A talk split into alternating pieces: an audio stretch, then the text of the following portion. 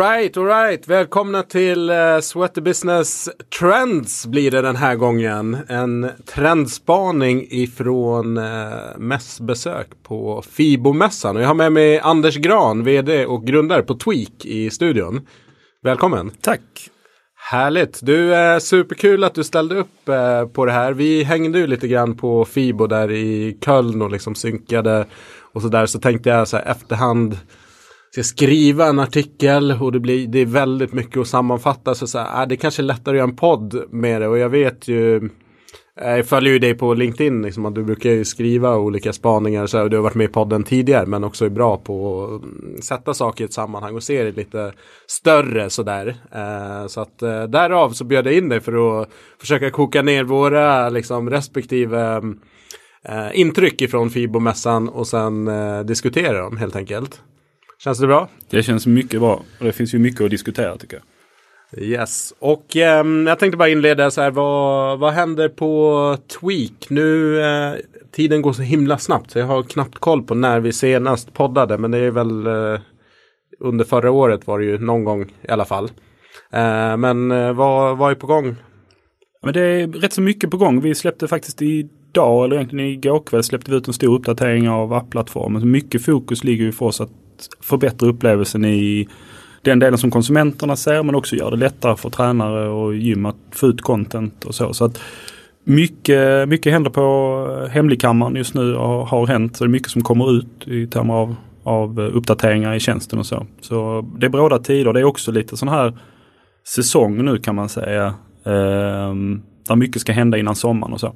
Mm brukar vara så. Det, är, fan, det går fort alltså. Det är röda dagar om, nästan var, varje vecka är det någonting. Så att det tickar på och alla som har barn vet ju också hur mycket grejer det är där som också um, tar tid såklart. Um, men jag tänkte så här, ingången till, till Fibo att bara snabbt um, innan vi går in på våra spaningar att fråga dig, vad, vad hade du för ingång till Fibo det här året. Vad, vad, vad var din plan? Vad var det du tänkte foka på och kika närmare på så att folk har med sig det in när du kommer med spaningarna?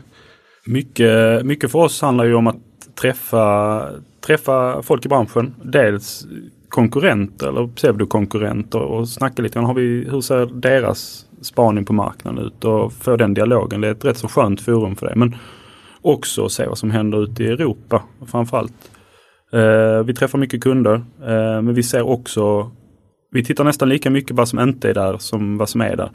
Tror jag. Alltså, jag menar, vi, vi gör en rätt stor analys kring vad, vad, vad händer på marknaden.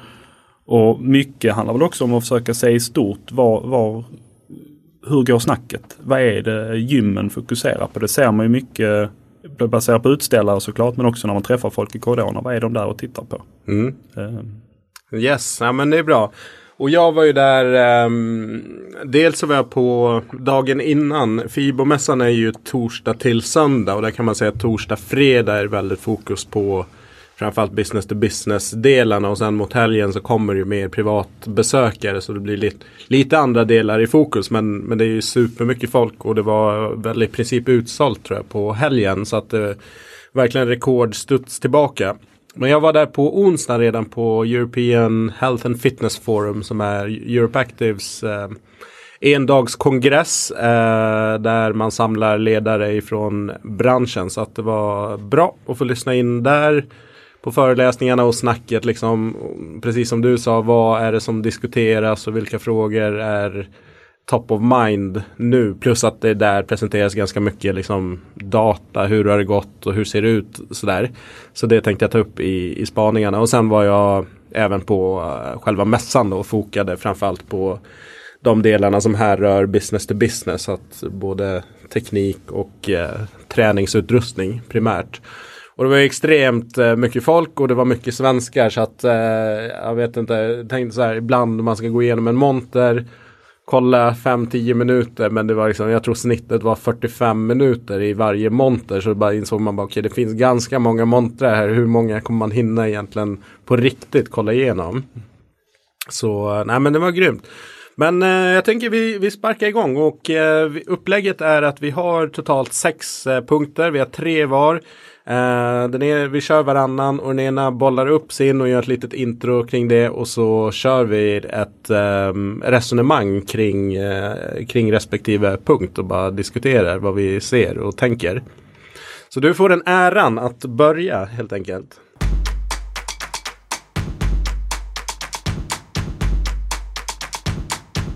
Men den första spaningen vi gjorde kom ju lite ur ett mjukvaruperspektiv. Att vi såg det här med ekosystem inom mjukvara. Alltifrån eh, eh, affärssystem för gym som till exempel eh, Virtual Gym och Perfect Gym. Och så här, nästan alla de här stora sprängskisser med alla system de är integrerade mot. Och, och, vi har ju vi har också sådana här sprängskisser med hur Tweak integrerar med andra system. Och det var lite blandade känslor för jag tyckte det är superhärligt att se detta uppe.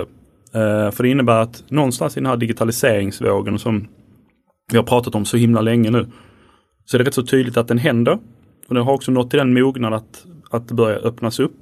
Jag menar, ska man backa bakåt och titta på telekomindustrin där jag jobbade i många år så var det ju i väldigt många år det var eh, proprietära eh, system hela tiden. Vilket gjorde att, ja men skulle jag ha en, hade jag en sån Ericsson-telefon så behövde jag sån Ericsson-appar och Nokia-appar och så vidare. Sen gick man mot mer och mer öppna system. Vilket innebar att man kunde köpa en Android-telefon och så plötsligt kunna använda Microsoft-produkter i en Android-telefon till exempel. Och det vi ser nu är ju att den här typen av system blir, eh, tar sig in i gymbranschen också. Att de här stora aktörerna och små som oss, att de här typen av aktörer faktiskt är öppna för att prata med andra. Och det, det det innebär för gymmen då, om man säger, eller träningsoperatörerna, det innebär att man faktiskt inte... Beslutet blir lite, lite mindre. För det innebär att du kan börja i en ände och sen kan du växa det åt, åt alla håll och kanter om du vill. Så det var det positiva med den här eh, bilden. Det visar att det finns, börjar finnas en mognad. Det som kommer med detta dock är att jag tänker nu på alla små och medelstora aktörer som kanske kommer få en utmaning att förvalta den här öppenheten. Det är, det är inte säkert att det hjälper dem så här himla mycket för vem ska hantera allt detta. Så det, det tyckte jag var en intressant grej att säga för att vi är på gång. Vi säger digitaliseringen har nått den mognad att, att systemen har insett att vi måste prata med varandra för att lösa kundens behov. Slutkonsumenten kräver det, vilket innebär att gymmen kräver det. Det kan inte längre vara så att eh, ett system kan blockera alla de andra. Så det är superintressant. Men det är också en process tror jag i sen att göra detta enkelt och hanterbart för, eh, för både gym och i slutändan slutkonsumenten också. Mm. Nej men verkligen, det är en superspaning. Jag, jag tänkte inte på, jag, jag, noterade när jag gick runt men när du sa det här när vi gick igenom här innan så bara just det, jag, det såg man ganska mycket så att man ja, hur det, det aktuella företagets liksom system och så var det massa liksom bollar med olika varumärken som, som de kommunicerade att de pratar med. Så um, jag håller med där och eh, som du säger också att mm, de stora drakarna har ju oftast resurserna att ha liksom inhouse eller nära samarbeten för att kunna hantera allt det här eh, så att det funkar smidigt. Eh, och utmaningen blir ju för de medelstora och små att okej okay, hur, hur ska man få det här att lira tillsammans och vad händer när olika system inte pratar med varandra där. Mm. Det är, någonstans är det um, jag pratade för länge sedan om det här med att, att, alla gym borde ha en Customer Experience Manager som på något sätt hade den hatten på sig och jobbade liksom med hela kundresan. Och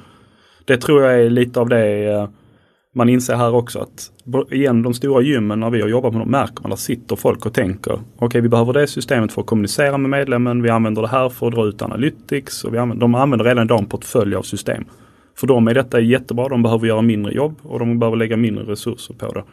Men de allra minsta är ju fortfarande kvar i det att de behöver kanske mycket guidning i det. Så att någonstans handlar det mycket om att se var, var vi får se det som ett steg i rätt riktning men vi är inte i målen riktigt i branschen tror jag. Nej, herregud. Det är nog liksom på något sätt kaoset innan det börjar och mm. skingras. Sådär. Jag såg att Technogym har släppt My Wellness eh, öppet så att eh, den kan samla in data från andra hårdvaruleverantörer. Det är ju typiskt sånt system som har varit knutet stenhårt till Technogyms utrustning. Men nu liksom kunderna kräver det. Liksom det logiken är ju att man måste kunna samla in data sinsemellan. Jag tror E-gym gör samma sak också och gick lite tidigare ut i det eftersom att de var kanske de kommer ju kommer med sitt hårdvarubatteri och har en, en väldigt stark hårdvara, en stark tjänst i sig. Mm.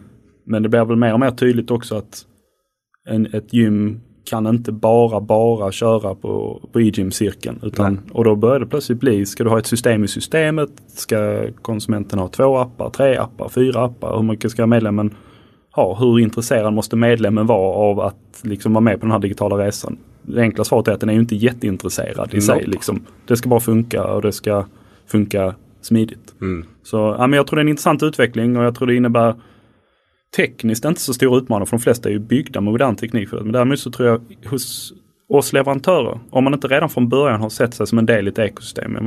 Tweak, vi har, med vi kom liksom utifrån så har vi alltid varit beroende av det. Vi har aldrig kunnat gå in och äga ett gym. Liksom. Utan det har för där finns ju ofta ett affärssystem och det finns andra grejer. Så vi är ju på något sätt fostrade in i att vi, är, vi, vi passar in i den, den infrastrukturen som finns. Mm. Men de som är vana att vara den infrastrukturen, där finns det nu lite organisatoriska utmaningar och kanske att ta på sig ett par nya glasögon som innebär att vi kanske är största fisken i det här ekosystemet. Men vi är beroende av ekosystemet. För om inte det är plankton så finns det inga guldfiskar och är det inga guldfiskar kan inte gäddorna äta. Eh, och så vidare. Så jag tror det finns en lång, eh, lång effekt av detta som vi inte har sett än. Men som är rätt spännande om man zoomar ut och tittar på branschen och ser vad innebär detta? Mm. Verkligen, superbra spaning. Eh, jag fortsätter då med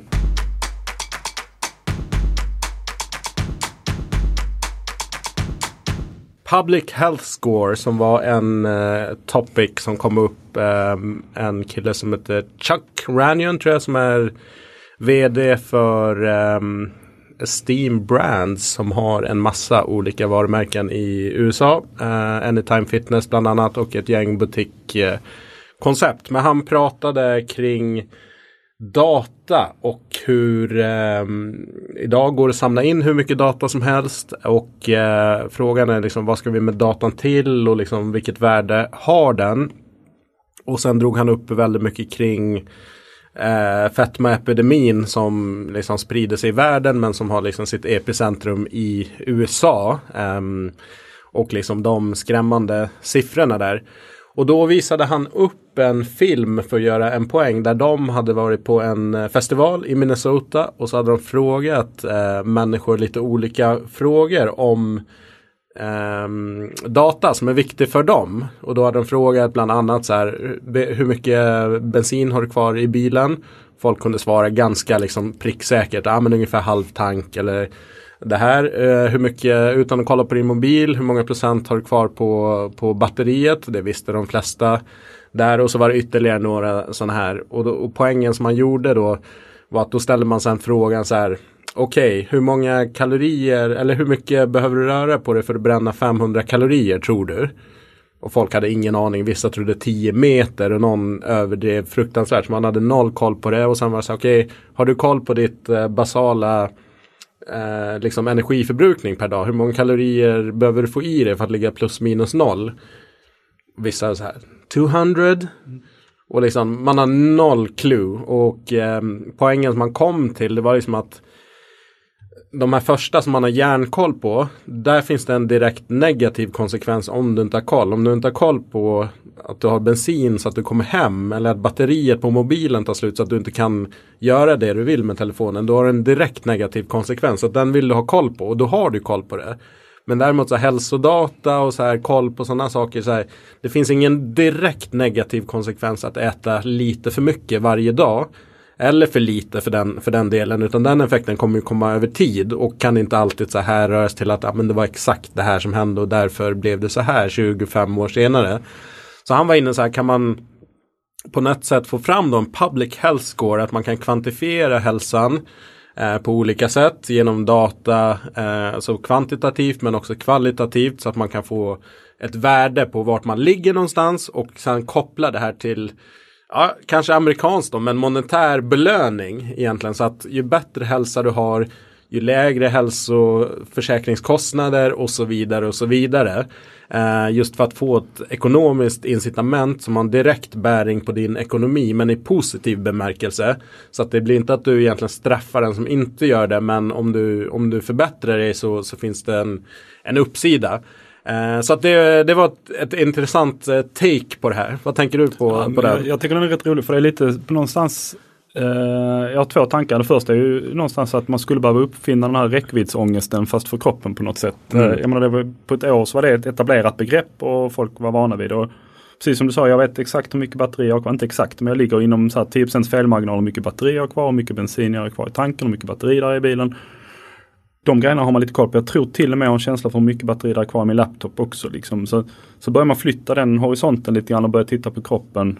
Ehm, och nu börjar vi få datan. Ju. I klockan har man hygglig koll på basalförbränning och lite sådana grejer. Och, ehm, men sen tänkte jag lite grann på, för det, jag, jag var i Tyskland i slutet av förra året.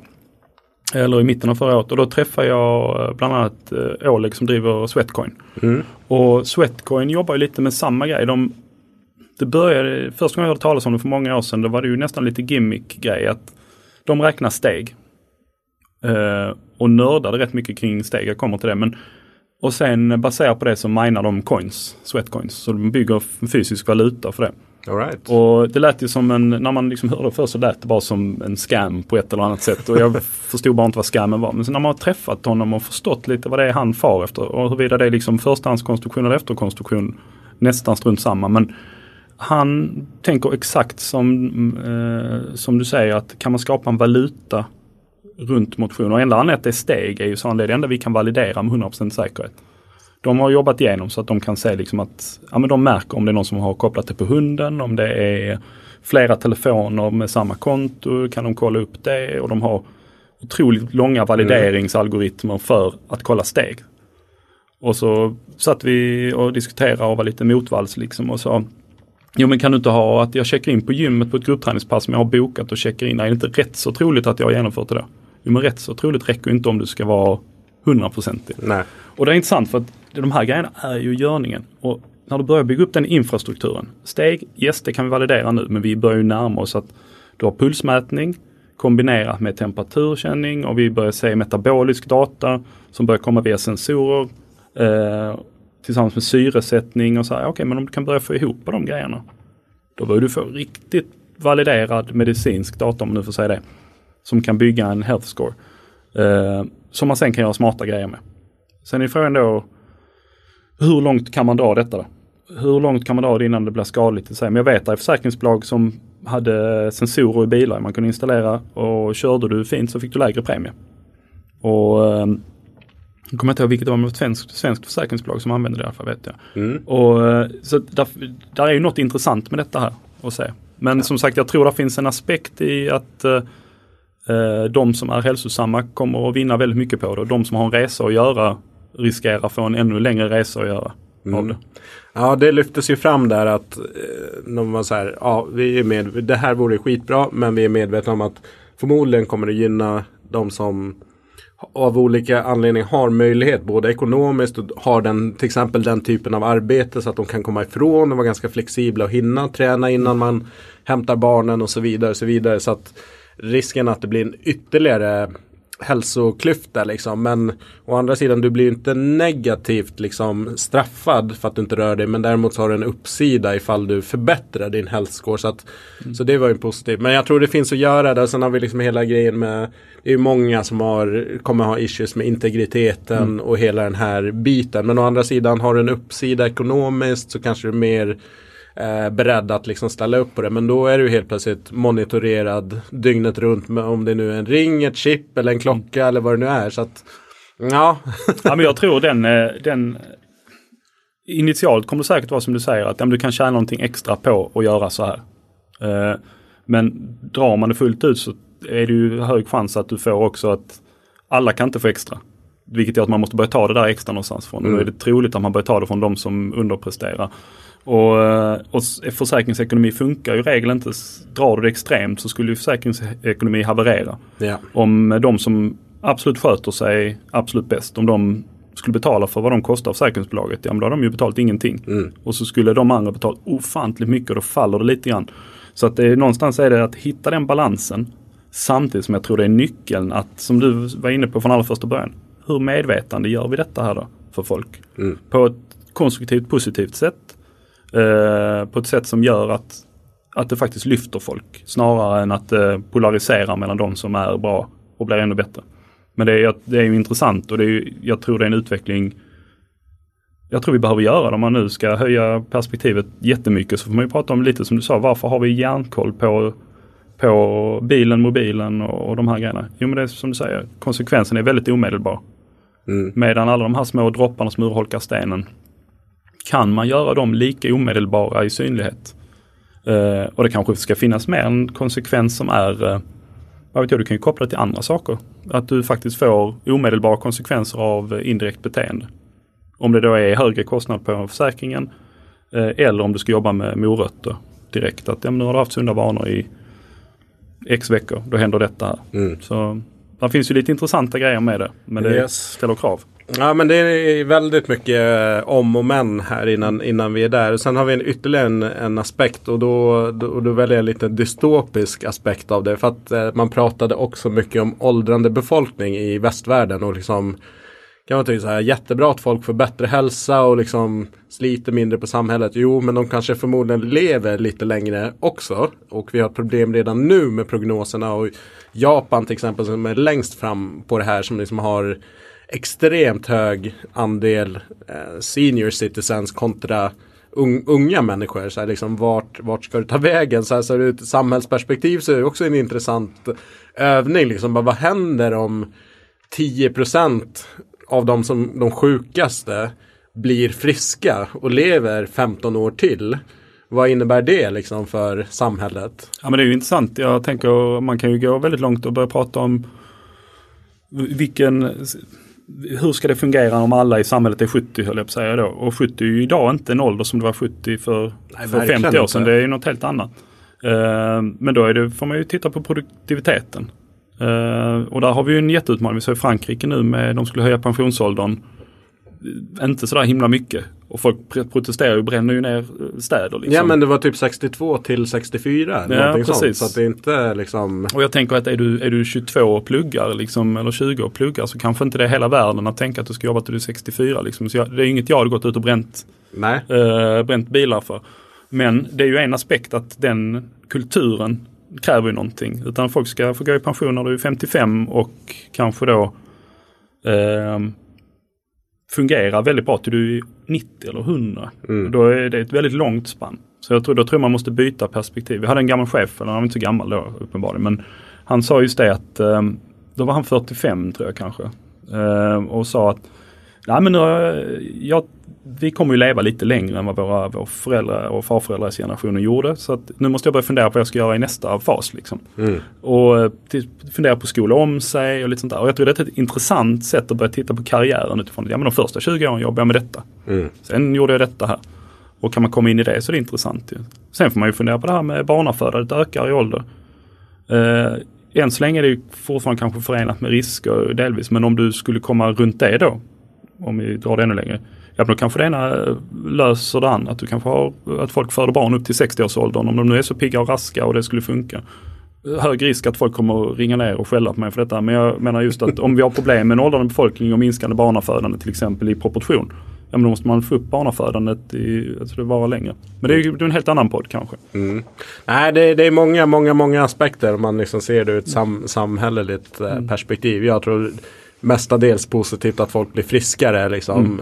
eh, så. Men, men det finns ju en, en åldersproblematik eh, som vi har i, i västvärlden, helt mm. klart. Bra, vi studsar vidare.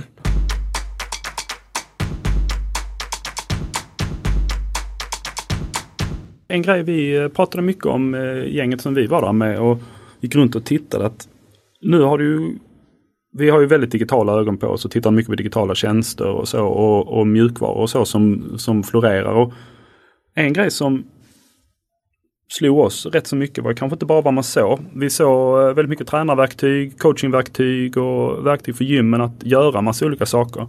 Men vi såg ganska få av de här koncepten eh, som genererar direkta intäkter för gymmen. Utan mycket handlar ju om att för dem att bygga bygga sin egen intäktsström med hjälp av digitala redskap till exempel. Och det har vi sett att det kräver ju ganska mycket för ett gym att göra detta. Så vi, om du har ett bra PT-verktyg och inklusive Tweak gör ju också PT-verktyg till exempel. Men det man kan se att det, inte, kräver lite grann för någon att sätta igång med det där. Mm. Så det vi känner att vi saknar var ju mycket av de här nyckelfärdiga grejerna.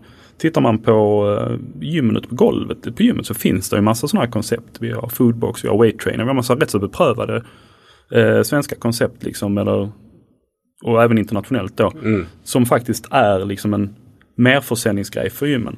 Men tittar vi på digitalt så vi, var, vi hade på oss vår Teamboost företagsutmaning en sån nyckelfärdig grej och den hade vi ju liksom på något sätt med oss ner och pratat rätt mycket med Synsvett. Det är inte så många som pratar om det. Att ni kan använda er publik till att sälja digitala tjänster utan att först bygga upp en organisation som kan göra det.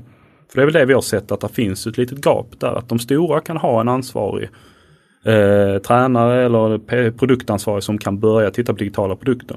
Men de har ju ofta en utmaning i att de måste ju först se till att PT-verksamheten funkar. Och det är mm. dessutom är det inte alltid samma människor som drivs av att göra det till exempel. Så, så att få igång en PT online-verksamhet till exempel.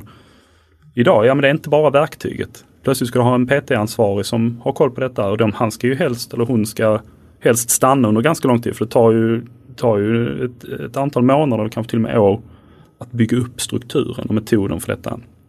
Och det tycker jag man ser om du tittar på de stora gymkedjorna så är det många som fortfarande är i startgroparna. Alla har identifierat att det finns en affärsmöjlighet. Det är ju uppenbart. Det omsätter ju ofantligt mycket pengar varje år online-träning. Liksom. Mm.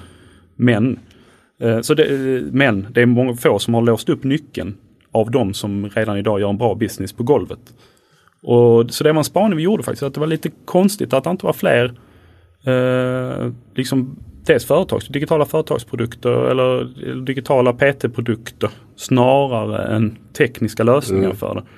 Uh, för jag tror gymmen har en stor potential att kapitalisera på sin publik digitalt. Absolut. Mer än vad man kanske gör idag. Mm. Uh, och jag tror det finns då en öppning för ja, men aktörer och för oss att vara tydligare också i hur vårt erbjudande mot gymmen ser ut och tränarna. Att ja, men det handlar inte alltid om att de själv ska förstå precis hur allting funkar och själv kunna skapa alla grejer initialt. Utan det går att komma igång snabbare genom att använda eh, andra typer av produkter och tjäna pengar, mer pengar per medlem. Mm. Och addera ett större värde till medlemmen eh, än vad man gjorde tidigare kanske. Ja, det, verkligen. Jag, jag håller med dig. Den här, jag tänkte inte på det, men jag hade inte riktigt de glasögonen på det. Men när du berättar om det så, så är det ju sjukt logiskt.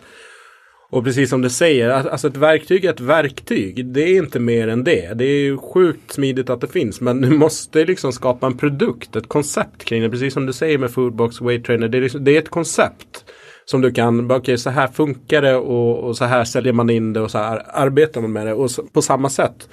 Och eh, det var en föreläsning där på Europe Active-dagen och då pratade, det var en eh, professor från något eh, universitet i München på digitalisering och AI pratar han om. Men han sa att det största misstaget som organisationer gör när de ska göra en när de ska digitaliseras, det är att de kallar det internt och en, en digital transformation. Han bara, men det är ju inte det. Det, han bara, det är en transformation av hela verk. Man gör om hur man arbetar och sen kommer det till en massa digitala liksom, arbetssätt och verktyg. Men det du gör i grunden är samma grej, bara att du gör det på ett annat sätt. Och då när du kallar det för en digital transformation så blir det lätt någonting annat. Så här, det är utanför det vi egentligen håller på med istället för att integrera det. Och sen var det en annan, en prisföreläsning eh, eh, med en prisexpert från Holland som pratade om hur McDonalds jobbar med prissättning av sina menyer. Att eh, inte ha för mycket grejer i som identifierar vilka produkter vill folk inte har, de har en låg betalningsvilja. Så det ska vi inte baka in i menyn utan det är vi som en tilläggsprodukt för de som vill ha kaffet, donuten. Det ska inte in i Big Mac Company. För där finns allting, läsken, pommesen och eh, hamburgaren. Det är det folk är verkligen beredda att betala för. Och sen har du vissa som är kaffedrickare, du har vissa som vill ha shakes och så vidare. Men om du bakar in det så riskerar att du lägger in för mycket. Så att du inte får betalt eller att kunden tycker att ah, det här paketet är, är för dyrt liksom. Jag, jag vill inte ha det och så kan de plocka ihop något eget. Och träningsbranschen har ju lite sådana det bakas in gruppträning, det bakas in eh, barnpassning och så, så här, ja, halva målgruppen kanske inte ens är intresserad av gruppträning och en väldigt stor andel är helt ointresserad av barnpassningen. Så, så här, varför ska det, då är du inte beredd att betala för det. När får du uppfattningen att du faktiskt betalar en del av pengar för det, vill du hellre ha det billigare och slippa den såklart. Yes. Och, eh, nej, jag, jag tror det är en absolut en Eh, en av de största liksom, problemen gymmen har kanske i det handlar mycket om paketering. För att grejerna finns liksom. Mm. Men vi har ju laborerat, vi har ju haft en fot i båda läger. Med vår Teambus så har vi haft nyckelfärdigt ett tag och då har vi sett det funkar ju. Vi, vi kan leverera säljmaterialet, vi kan, vi kan gå egentligen leverera halva tjänsten och hela tjänsten i princip. Eller så kan gymmen gradvis jobba sig in och, och liksom börja leverera egna delar i det och så här. Men vi, vi träffar ju rätt många företag där de har tusentals, många gym som har tusentals företag Mm. som kunder och säljer kanske väldigt basic produkter eller väldigt komplicerade produkter. Ja. På tal om att företagen kanske inte är ute efter just det. Eh, och där kommer vi liksom in med Teamboost och så är, är den, ja men den är 6-10 veckor, den är liksom, kan vara en konversationsstartare men det kan, är också en, en tydlig egen bärighet och egen lönsamhet i den. Och jag tror det finns potential för otroligt många sådana här olika typer av produkter. Som inte gör det så komplicerat. Och som lite också ger, skapar en produktportfölj som är lite mer dynamisk för gymmen. För det är det jag, jag förstår verkligen att speciellt när man kommer ur pandemin och så går man in i en lågkonjunktur. Det är inte lätt för eh, gym, inte ens en stor kedja, att höja blicken och säga, men okej, vi ska satsa på nya produkter och tjänster. Och dessutom kanske då en sån satsning som säg PT online eller säg företagsfriskvård till exempel, att paketera om det. Samtidigt som att du jobbar med näbbar och klor för att komma tillbaka på medlemsbasen. Mm. Så att det kände jag var en sån grej att det här det är konstigt att inte där är mer aktörer som jobbar med de grejerna. Eh, jag menar vi hade ju inte ens en monter där. Vi gick ju dela ut flyers i princip. Och, så det känns som att där, där finns en möjlighet att jobba med de grejerna. Och det, det tror jag är en sån Ja, men, Jag tror det kommer att hända och jag tror man kommer att se effekter av det. Verkligen. Och om jag går tillbaks till det här att okej, du kallar det inte digital transformation så tror jag i vissa fall så här Behöver man separera PT eller kalla det online PT? För du har ju också sett det så här i kunden. Ja ah, men är det bättre eller sämre eller på vilket sätt? För att, och om man då skulle tänka koncept. Eh, jag kan ta viktminskning som ofta är liksom en. Och det kanske är den vanligaste hos många. Liksom, man vill komma i form och det betyder ofta att de vill tappa vikt. Liksom bli lite mer definierade och bli av med gubbmagen. Och det är så här, varför skulle inte ett, ett ett viktning, vad det nu heter, det är konceptet. Men det består av en massa olika grejer. Det består av ett kostprogram som du får. Som levereras i en app. Du får ett träningsprogram med liksom styrketräning. Du får rekommendationer kring an, annan typ av träning. Och sen kanske det också består av ett antal fysiska träffar. Kanske en gång i månaden med en PT. Eller en grupp. Att man ses och det finns tillfällen där man liksom kan ställa frågor och liksom för motivationsföreläsningar. Eller så de digitala också, man kör 100% digitalt. Och varför ska man behöva sätta, ja men det här är vårt online viktminskningskoncept. Nej men det är vårt viktminskningskoncept och det, det levererar vi på det här sättet. Och det består av de här träffarna och, och vissa är digitala och vissa är fysiska. Så liksom bort med hela online brandingen. Att lyft bort det liksom. Vi tittar ju inte på, så på e-handeln på det sättet längre. Det gjorde vi för tio år sedan. Mm. Då var det ju, eh, ska jag handla online eller handla i butik? Och så var det olika priser ibland på grejer. Alltså det, det är ju helt borta där. Eh, H&M är H&M eh, i princip. Och just det med hybridgrejer. Jag såg ju en medicinsk studie där man har gjort med fetma hos barn. Mm. Och då gjorde man en väldigt, den fungerar egentligen nästan som de flesta så här online bootcamps för viktminskning funkar. De träffas fysiskt, familj, hela familjen och barnet och läkaren träffas. Eh, gör någon form av analys och så lägger man, skapar man ett upplägg som består av lite övningar, där finns en kostplan och så finns det regelbundna invägningar. Eh, och sen följer man upp dagligen, man gjorde daglig viktloggning tror jag i app eller om det var veckovis i någon form av app. Och den skickades vidare så fick man feedback och man kunde kommunicera med läkaren. Ehm, och man hade ju otroliga effekter och bestående effekter speciellt hos eh, yngre tonåren och, och upp till 15 när det var högstadieåldern. Um, för att digitalt kan ju nå dig på ställen där det är otroligt svårt att få med dig PTn i, i varje minut, varje sekund. Men PTn eller tränaren eller läkaren i detta fallet har en um, otrolig styrka som, uh, ja, men som människa för det första. För det är någonting med accountability när det är människa som gör att man eh, att, att det skapas eh, ett, ett band som gör att man vill göra någonting. Mm. Och det är, där pratar man om det som om det var ett online koncept men egentligen var det ju hybrid. Alltså det är någon form av träffas fysiskt lite grann, man gör en del online. Eh, men jag tror all transformation jag brukar prata om tre vågor med trans digital transformation. Den första är ju någonstans liksom att man börjar använda bakomliggande system digitalt. Pärmarna flyttar in i Excel och databaser och det gjorde gymmen 20 år sedan Ja. säkert. De Eh, flesta. Ja, man, inte, inte alla men många.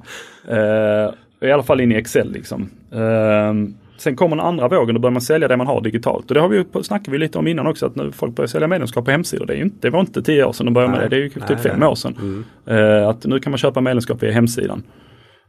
Men den tredje vågen är ju den som är intressant när produkten är digital. Eller är beroende av digital. Och gymmen är ju mer och mer där. Det vill säga att du kan knappt konsumera produkten utan att använda digitala grejer. Passbokning till exempel, är, den är, sker digitalt. Du levererar inte tjänsten riktigt än så länge men konsumentens kundresa är ju mer eller mindre digital.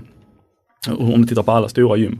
Du har inte en whiteboard där du skriver upp att du ska vara med på eh, zumban på torsdag. Utan det gör du i ett bokningssystem. Och så vidare. Så den tredje vågen händer ju. Eh, den andra vågen har man väl passerat delvis. Så det är någonstans kring produktpaketeringen och inse den här transformationen. Den kanske inte är digital, den digitala transformationen, utan den transformationen handlar nog mer om kundresan i sig. Den har verktygen ändrats de sista, sista fem åren egentligen. Absolut. Jag lyssnade på en podd med René Moos som är vd på Basic Fit som är eh, europeisk jätte baserad i Nederländerna men finns i Benelux och Spanien, Frankrike och sådär. Eh, har kanske runt 1500 anläggningar. Men han sna- snackade om digitalisering och då sa han att eh, för dem så handlar det om två grejer. Eh, ett, att göra det personligt som har en, en olika customer journeys beroende på eh, vilken typ av medlemskap, när du har kommit in. Så att de hade ett antal liksom, customer journeys. Han bara, alla får inte samma kundresa beroende på hur de beter sig och vad de, vad de gör för någonting. Så får de olika upplevelser och det, det levereras digitalt via deras app. Och sen eh, den andra eh, är Make Life Easy. Att hur kan vi underlätta så mycket som möjligt för våra kunder. Så att, eh, och där tog han upp liksom så här, allt ifrån hur kan man bli medlem enkelt och snabbt. Men då sa han, här gör ju många företag missen att det är enkelt att komma in. Men så gör man det svårt och man måste ringa någon eller gå in fysiskt för att säga upp medlemskapet. Han bara, det ska vara lika enkelt att lämna som du kom in. För då kommer de vara intresserade av att komma tillbaks den dagen de är intresserade. Men kommer de ihåg att det var jäkla knöligt att komma ur det här avtalet. Då kan man hamna liksom längre bak i kön. Så att det var intressant liksom. Personalisering och make life easy. Och liksom och allt de kan baka in i de två liksom ledorden. Det är ju ett modigt, jag tror det är modigt och välbehövligt tänk det här att nej men, vi ska vara genomgående fair liksom. I tänket i alla fall. För att idag konsumenter pratar med varandra på ett annat sätt än vad man gjorde för 30 år sedan. Och ryktet, snacket går på ett annat sätt än vad man gjorde för 30 år sedan. Och då tror jag hela den easy in, easy out eh, är bättre att faktiskt förtjäna kunden varje gång, varje dag, varje vecka, varje år. Snarare än att nu har jag fått in dem, nu kan jag eh, ligga lågt i 12 månader. Eh, men det är, ju, det är också en transformation som inte Absolut. är digital utan som är liksom sitter, sitter i hjärtat och själen snarare än Yes. någonting annat. Ja men levererar du en bra tjänst som folk vill använda och är nöjda med. Då finns det ingen anledning att hoppa ut. Det är som mitt Netflix-konto. Det snurrar ju. Liksom, jag sitter inte och kollar Netflix varje dag och känner bara oh nu betalar jag det 129 spänn här månaden. Jag har ju inte kollat någonting.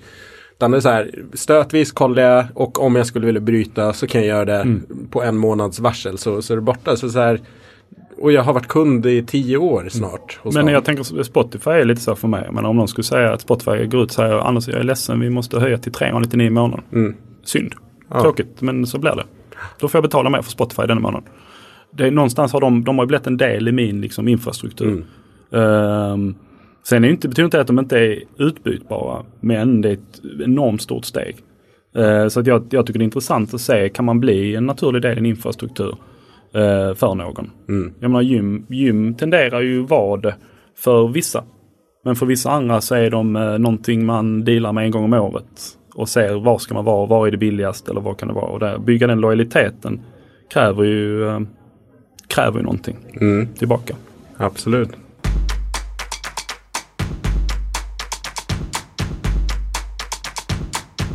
Nästa då som jag har det är gymmen studsar tillbaks? Frågetecken. Um, nej men det, det, presenterades på Europe Active-dagen återigen. Um, Europe Active och Deloitte gör ju en årlig studie dels på fitnessmarknaden, liksom ur gym, gym och leverantörerna. Men sen gör de också en consumer survey som är mer på slutanvändaren. Och här då så fokar jag på den delen som handlar om, om gymmen. Och där var det ingen fullständig data än så länge. Eh, den kommer senare i vår eh, när de har fått in data från alla länder. Men det de presenterade var i alla fall liksom en generell eh, trend att eh, marknader hade återhämtat sig ganska väl efter pandemin. Många som inte var riktigt där men liksom väl på väg mot 2019 siffrorna. Och så har de stora drakarna Tyskland, Spanien och UK som var antingen i nivå med 2019 eller Tyskland då, som var 12% upp. Så att eh, generellt sett att liksom gym på medlemskap då att gymmedlemskapen var tillbaka och därmed att gymmen på sätt och vis var var tillbaks eh, på banan. Och i Sverige så det mesta man kan gå på det är ju Sats och Actix siffror som de eh, redovisar i sina kvartals och rapporter i och med att de är på börsen. Um, och där är ju Sats eh, förra året så var de ju på rekordsiffror och eh, just idag kom det ju en rapport för första kvartalet som eh, visade att de också hade svungit tillbaka och redovisade en ganska bra vinst också. vilket har varit en, en kritik mot dem att de har kastat in många medlemmar eh, men att lönsamheten inte har kommit. Men eh, det verkar ju som att det bettet på något sätt har har börjat ge avkastning plus att de har gjort kostnadsbesparingar. Ja men jag tror det ligger väl lite, de, de sa över det här med, med spegeln, alltså mm. alltså Mentra och det. Jag tror de, de skrev ju det i, rapporten också att det fanns vissa operational expenses som man hade skurit på också. Det är väl lite det jag tror som är Pandemin var ju ganska offensiv. I, många fick ta av, av kassorna och satsa på rätt mycket nytt. Mm. Och det gick ganska snabbt fram eh, med mycket. Och sen, eh, jag tror det är en utmaning för de stora gymmen att hålla den takten man kanske slår in på. För att det tar ju tid att bygga, lite det vi är inne på med paketering och det. Ja. Att bygga den businessen så du får return of investment på ett, två år. Nej men det hinner, det tar längre tid om du ska bygga det från grunden. Eh, och då har du då samtidigt krav på lönsamhet och du vet ett sätt att få lönsamhet. Ja men då är det ju, då är det ju lättare att gå tillbaka till det om man säger, och, och kanske det som krävs. Mm. Eh, och det tror jag är en intressant grej att se om det är en utveckling som faktiskt man ser nu. Nej, men de, eh, de stora hittar tillbaka till grundformlan och industrin kommer att växa. För det ser verkligen så ut när man tittar på rapporten. Mm. Mm. Ja men så det och jag la till frågetecken i, i rubriken för att som sagt var det ibland på de här träffarna, den här typen av träffar så blir det så här branschens egen intresse av att visa att det går framåt. Man kanske inte är 100% ärlig men jag upplever ändå som att det var det var seriösa siffror och att liksom, mm. men att den, den, generella känslan var att det var väldigt positiv vibe att vi är mm. på väg tillbaka. Och eh, det stöttades ganska mycket av eh, lite som de var inne på den här Consumer Survey och presenterade lite samples eh, från den. Och då kollade man på hade man frågat vilka tjänster, typer av tjänster och utgifter generellt är du mest benägen att spara in på eh, nu i de här ekonomiska tiderna. Och då hamnade fitness, eh, fitness activities eh, på, på klubb då, alltså på gym. Eh, I deras uppställning så hamnade den på liksom att det var den som var minst benägen att dra ner på. Däremot eh, var det mat och eh, energi. Det var de två liksom som låg högst. Att här vill man försöka dra ner så mycket som möjligt. Eh, på. Så att eh, i likhet med eh, finanskrisen 2008 så var det eh, liksom tydliga tecken på att Nej, den liksom gym och liksom träning på olika sätt är inte det man tänker spara på i, i de här tiderna utan det är andra utgifter. Bland annat resor som man, som man, nöjesresor som man tänker dra ner på. Men jag tror också det relativiseras lite för gymmen har historiskt varit ganska försiktiga med att höja eh, medlemsavgifter och så. Och det har man tillbaka lite på nu tror jag. För att det är lite så när, ehm, när eh, en, en dagens lunch går från 100 till 130 kronor. Mm. Ja, det är plötsligt en sån månad på gymmet för 300 är kanske inte, eller 350, det är, plötsligt blir det ju lite billigare. Ja. Uh, så där är till och med utrymme att höja lite grann. Uh, och fortfarande framstå som billiga. De som sa det ju i, um, just när i höstas pratade jag med en britt och han sa det att de var inte så oroliga, de såg inga tecken på uh, på just det här med att folk skulle skära ner på gymkorten baserat på inflation och energikostnader. Just för de sa att när Indian Takeaway plötsligt kostar 12 pund liksom. Mm. Så är ett gymkort för 20 otroligt billigt. Och, ehm, så jag tänker att det, just det kommer väl på sikt att gynna dem. Sen är det klart, det finns säkert i marginalen folk som väljer bort det. Men jag tror gymmens styrka och förbannelse har ju varit de här 20 procenten man kommer åt. Mm. Och de är ju intresserade av gymkort eller har ett friskvårdsbidrag som täck, täcker det. Det är klart Absolut. att de kommer att bli konjunkturkänsliga den dagen de vågar sig ut eller tar sig ut från de här 20 procenten av befolkningen som man jobbar med idag. När du kommer upp till, om du tittar på ICA som jobbar med 90 procent av befolkningen om man säger eh, i sina olika produkt eller olika butiksformat. Liksom. De märker av med konjunktur på ett annat sätt skulle jag tro. Verkligen. Eh, på gott och ont. Inflationen gynnar ju dem på ett sätt. Men det är mer att det handlar om, eh, jag tror, jag tror gymmen har ett, har ett lite skevt urval av befolkningen också. Så är det, absolut. Um, sen om prisnivåer så kan man säga också att uh, generellt sett så visar de att uh, prisnivåerna är på väg upp. I princip rakt över så har man gjort prishöjningar. Men prishöjningarna har varit på nya medlemmar och inte alls i samma utsträckning på befintliga. Så att det är de nya som får ta höjningen och successivt så tänker man att det kommer höja liksom stocken totalt sett. Och eh, som, då tog de ett ty- exempel från Tyskland att genomsnitts eh, eh, per månad är 45 euro på den tyska marknaden. Jag vet inte vad den är i Sverige. Jag tror inte det finns någon sån siffra. Men vad är det då? Dryga 500 strax under. Mm. Den är, nu, handlar med euro vi köpte lite grejer här veckan och vad sa vi? 11, liten bit över Mm. 11. Så ja. Yes, så eh, där har man en, någon siffra att ta med sig. Mm. Så eh, ja, vi får väl se fortsatt hur det, hur det går. Men det pekar ju i en positiv riktning generellt sett om man tar branschen som, som helhet. Även om det är på vissa stor skillnad mellan olika marknader och vissa har mer att göra och andra har liksom kommit betydligt längre. Men jag tror det är väl en kombination att våga höja medlemsavgifterna något. Eh, jag menar att hänga på det.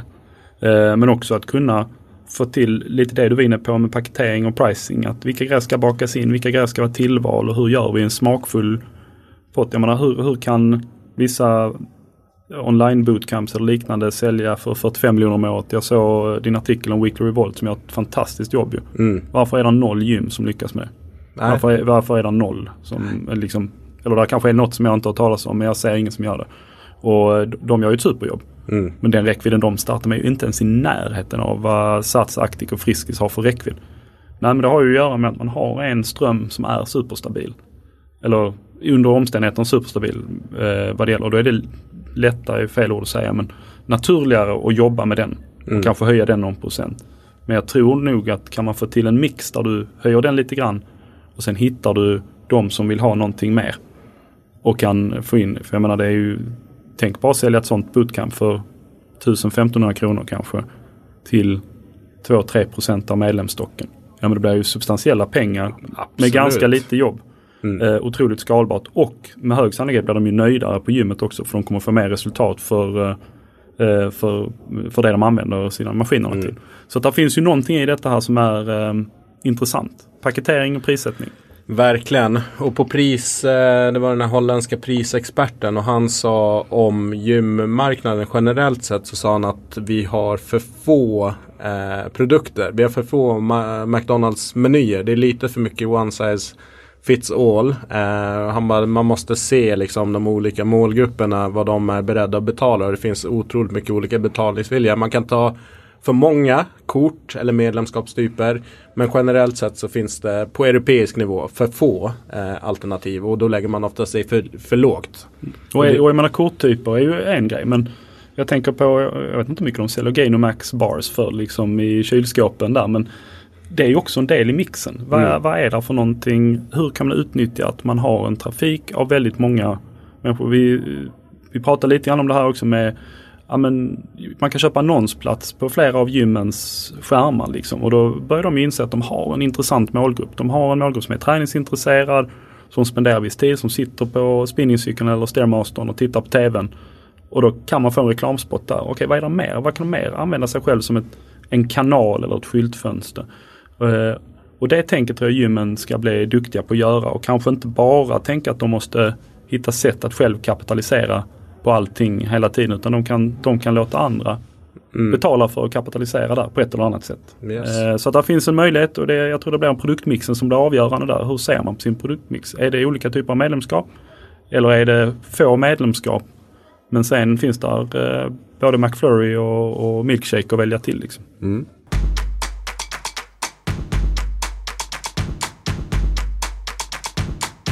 Sist vi pratade om detta så pratade vi om de här massagepistolerna. Och mycket riktigt så är de ju på Lidl och överallt och så här. Och det är ju intressant. Eh, men vi funderar på vad är nästa sån här då?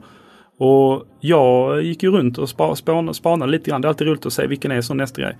Och lite grann får jag nu säga att jag vacklar lite. För jag Pilatesbänkarna var ju grejen jag såg. och de är, de är, för det första var det minst digitala jag någonsin sett. Eh, såklart. De är fantastiskt fina trägrejer de flesta av dem. Och så här, Megaformers. Ja tack. Eh, jag, jag bara, så här, sista dagen bara märkte, här är sådana nästan överallt här ju. Eh, de kommer ju inte att finnas på Lidl om ett år för de är lite för stora för det. Mm. Så min stora utmaning här var jag vet inte vad som kommer ta över efter massagepistoler men jag såg inte mer än tror jag en massage eller två massagepistoler på hela eh, på hela Fibro faktiskt. Så att den, det, uppenbarligen kom de och har passerat. Mm. Um, såg, du någon, såg du någon ny massagepistol? Nej, jag såg ingenting nytt. Jag tyckte inte det var så mycket nya grejer utan utveckling på en befintlig trend. Vilket det är oftast. Det är sällan det kommer som helt barn, en iPhone liksom för mm. träningsbranschen. Men eh, vad jag såg, jag såg mycket kring eh, konditionsutrustningen. Att man går från de här klassiska LED-skärmarna som inte kan visa liksom någon rörlig bild utan det är bara siffror. Liksom. Att det har flyttats till att det blir liksom, videoskärmar eh, på olika sätt. Dels som nöjesmaskiner att kunna kolla på Netflix medan man, man kör. Alternativt att man har eh, coaching. Att det finns innehåll på skärmarna med en digital coach. Och så följer man med liksom, på cykeln eller på löpandet. Det tycker jag var intressant för det, det var ju Hero-tjänster för något år sedan. Där så det var enstaka tjänster som mm. bara gjorde Jag menar vi, vi har, följer väl, de flesta har följt resan för eh, Lululemon och, och, eh, och mm. Mirror. Mm. Hur det liksom gradvis fasas ut och försvinner. Men man ser nu var det är på väg att ta vägen tror jag. Att det dyker upp, som du sa, i maskinerna. Det som E-gym var rätt så mm. halvensamma om kan man säga. Som var en av deras, en av deras styrkor är den här mikrocoachningen som sker. Hur hårt ska du dra i maskinen? Tempot du drar i maskinen. Mm. Sådana såg man ganska många varianter av nu. Alltifrån liksom eh, kabelmaskiner med coach till eh, små inbyggda grejer och sånt. Och det är ju, tror jag, en ganska positiv utveckling när skärmar så här blir billigare. Att man faktiskt kan bygga in alltså lite, lite mer smartness och guidance för, för, för att folk ska dra nytta av maskinerna. Sen är det frågan igen då, hur ska det hänga ihop med någonting annat? Då måste jag då köpa in på deras tjänst eller hur kopplar man? Där finns ju mycket ihopkopplingsgrejer mm. att göra om inte jag köper in en e-gym-cirkel som är liksom ett paket på något sätt. Nej men exakt. Jag pratade med en eh, leverantör eh, av de stora varumärkena och då pratade de om skillnaden från de här gamla LED-skärmarna som de är inte analoga, de är digitala men liksom det, är, det är digitalt 1.0 liksom. Eh, men skillnaden mellan den typen av cardio på, på en anläggning kontra att de hade investerat i ny cardio med enbart skärmar där det finns färdiga program. Och där hade liksom nyttjandet av eh, cardioparken gått upp väsentligt, alltså över 50 procent. Mm. Att folk spenderar mer tid på cardion för att det finns liksom färdiga program och det är roligare att vara på cardion på olika sätt. Eh, så att det är ju frågan så här sen, ja är det bra att de använder löpanden mer? De är ganska dyra liksom i renovering men jag tänker att ändå i slutändan är det någonting positivt. Jag tror att folk använder mm. sitt medlemskap och nyttjar grejerna mer. Men det är väl dit man måste komma tänker jag. Att man, eh, det, är ju, det är lite som om man tittar på företag med friskvårdsbidrag. Att ja, det kostar pengar när de anställda använder det men man måste ju någonstans tro att det är positivt att de gör det. Eh, och jag tänker det är väl samma för gymmen. att Eh, om folk inte använder grejerna så till sist kommer de ju inte att komma tillbaka. Mm. Det är, eh, sen är frågan om det tar ett år, ett halvår eller tre år liksom, men till sist kommer folk att inse att jag gör ju inte detta. Så det tror jag är en stor uh, möjlighet liksom att bli duktiga och mäta mm. kring de här grejerna. Ja, nej men så det är Megaformers och eh, skärmar. Eh, som sagt, jag såg ingenting nytt. Men det, det dyker ju alltid upp någonting. Vi har ju haft allt från yogamattor till liksom foam rollers och grejer. Så att någonting kommer ju dyka upp. Som, som... Jag såg, eh, något år såg jag Air Up. Du vet den här vattenflaskan som alla Ja. kidsen har nu tiden. Den provade jag på en fitnessmässa i München för 2018 tror jag. Mm. Eh, och då var den ju superny och de ställde ut. Och det var ju en, den dök ju inte upp igen i träningssammanhang. Men den dök ju upp i skolan. Jag tycker kidsen springer runt med sådana här. Och det är, eh, så det är intressant för att se var det tar vägen. Ja, nej, där är- vi hittar massagepistolerna nästa år och hittar dem i, eh, ute på vift någonstans. Liksom. Exakt, jag såg något varumärke gjorde, eh, jag fick nyhetsbrev, vet inte, det var skönhetsvarumärke i alla fall. Så de har gjort en minivariant av massagepistolen. Den är till för att massera ansiktsmusklerna så att man får en yngre och liksom så att den, den, de kan ta vägen lite här och var.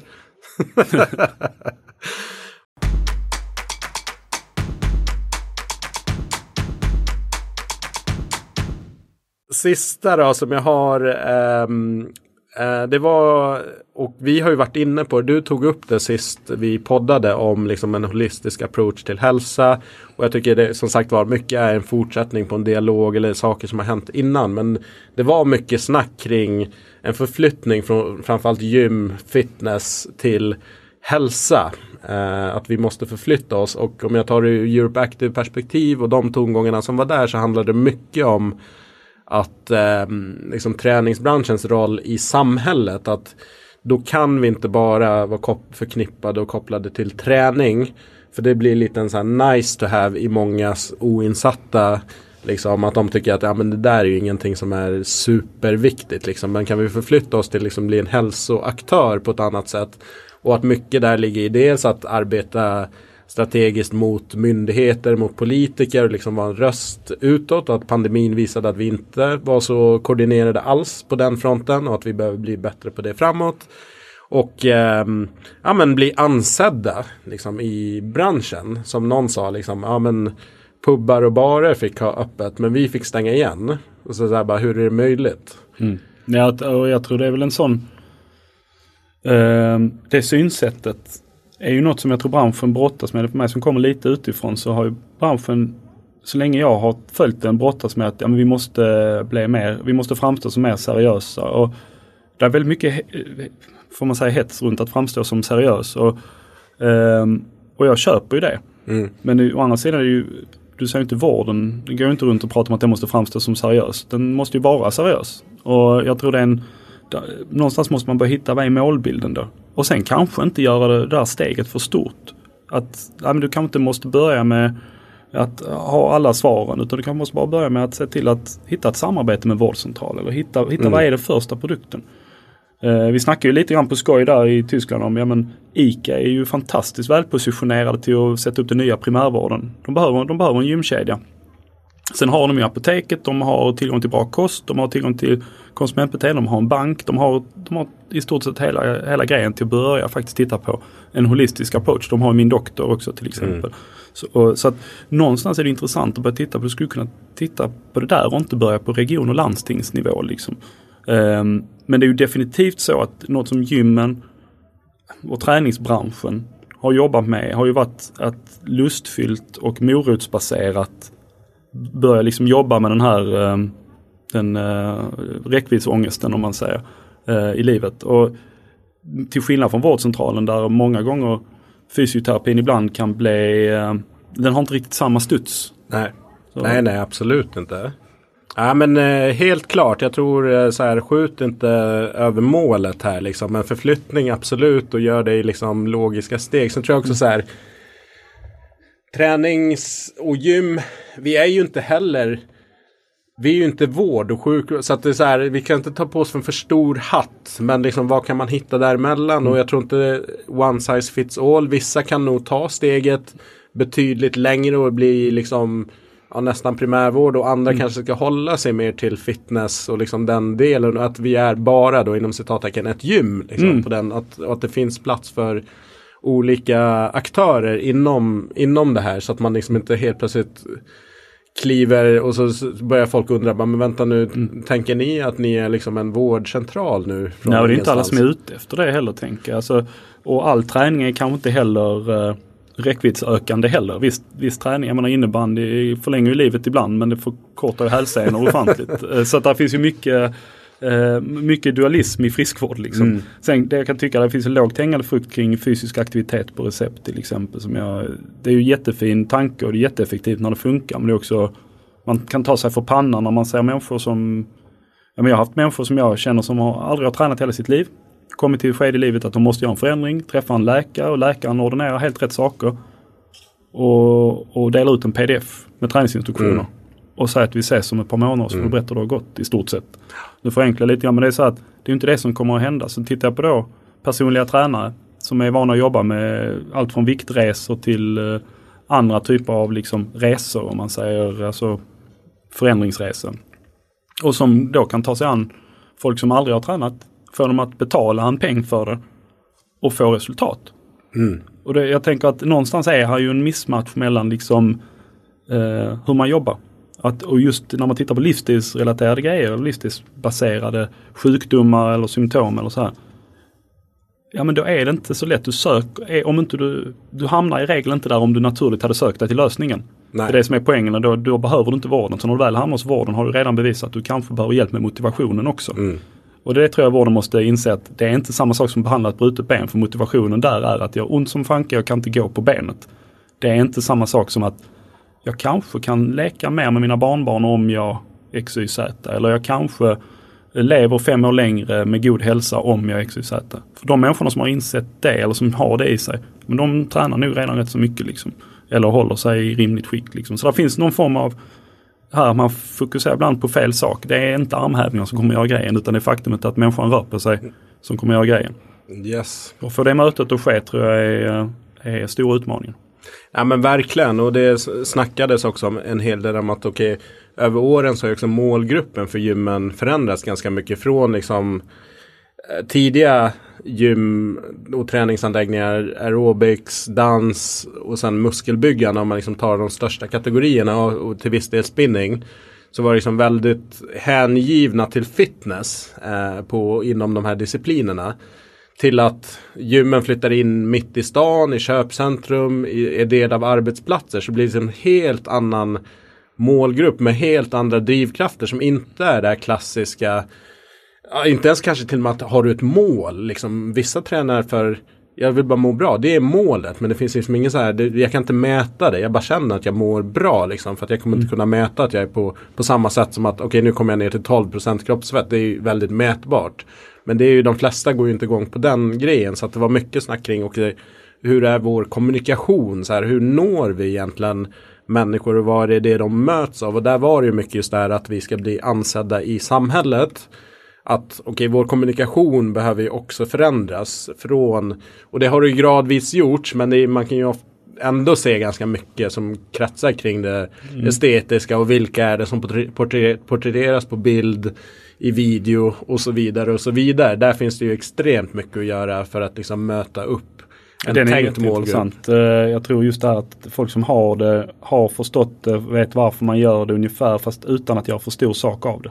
Det, är inte, det är inte en personlig vendetta eller personligt mål. Eller det, det är liksom, man går dit, man mår bra, man tränar. Eh, och det är klart, då har du, det är andra förebilder du har kanske. Du kanske inte ens ska ha någon förebild utan det är kanske en känsla du mer ska ha. Mm. Eh, så att jag tror det är en otroligt spännande resa för branschen att göra tror jag. Att kunna ge utrymme för båda de Yes. delarna. Bra du, mycket eh, intressanta saker. Tack så mycket för att du gästade och delade med dig av dina spaningar. Ja, men tack själv och det är kul att få lite perspektiv också. Jag tänker eh, man går in med rätt mycket olika saker när man är där. Vi Mm. har med oss lite i bagaget och höra dina spaningar också. Så det är alltid kul att få vara här och snacka lite. Bra, och det var flera som hörde av sig när jag la ut stories från Fibo. Så bara, kommer det någon slags rapport? Det här är rapporten som kommer. Eh, men jättekul att snacka med dig och eh, du som lyssnare, eh, kommentera jättegärna, skicka DM med tankar på det vi säger eller spaningar som ni själva gör. Det är alltid intressant med det här utbytet. Liksom att vad, vad snappar man själv upp och vad, vad får man tillbaka? Ofta så korrelerar det men ibland kommer det faktiskt väldigt mycket annat som man, andra perspektiv som man inte själv ser. Det var ju Så fantastiskt få feedbacken vad vi har missat för någonting. För jag tänker att är något, någon har sett någonting som inte vi har sett och det vore fantastiskt gött att få in också. Yes. Du, eh, eh, jag lä- länkar in till eh, Tweaks kanaler om man vill kika in lite mer på vad de gör på hemsidan och på sociala medier så ta kontakt med Anders om ni vill snacka digitalisering och olika produkter. För att jag tror inte det finns någon bättre här uppe i norr i alla fall som har eh, den, den kollen. Så eh, stort tack! Tusen tack!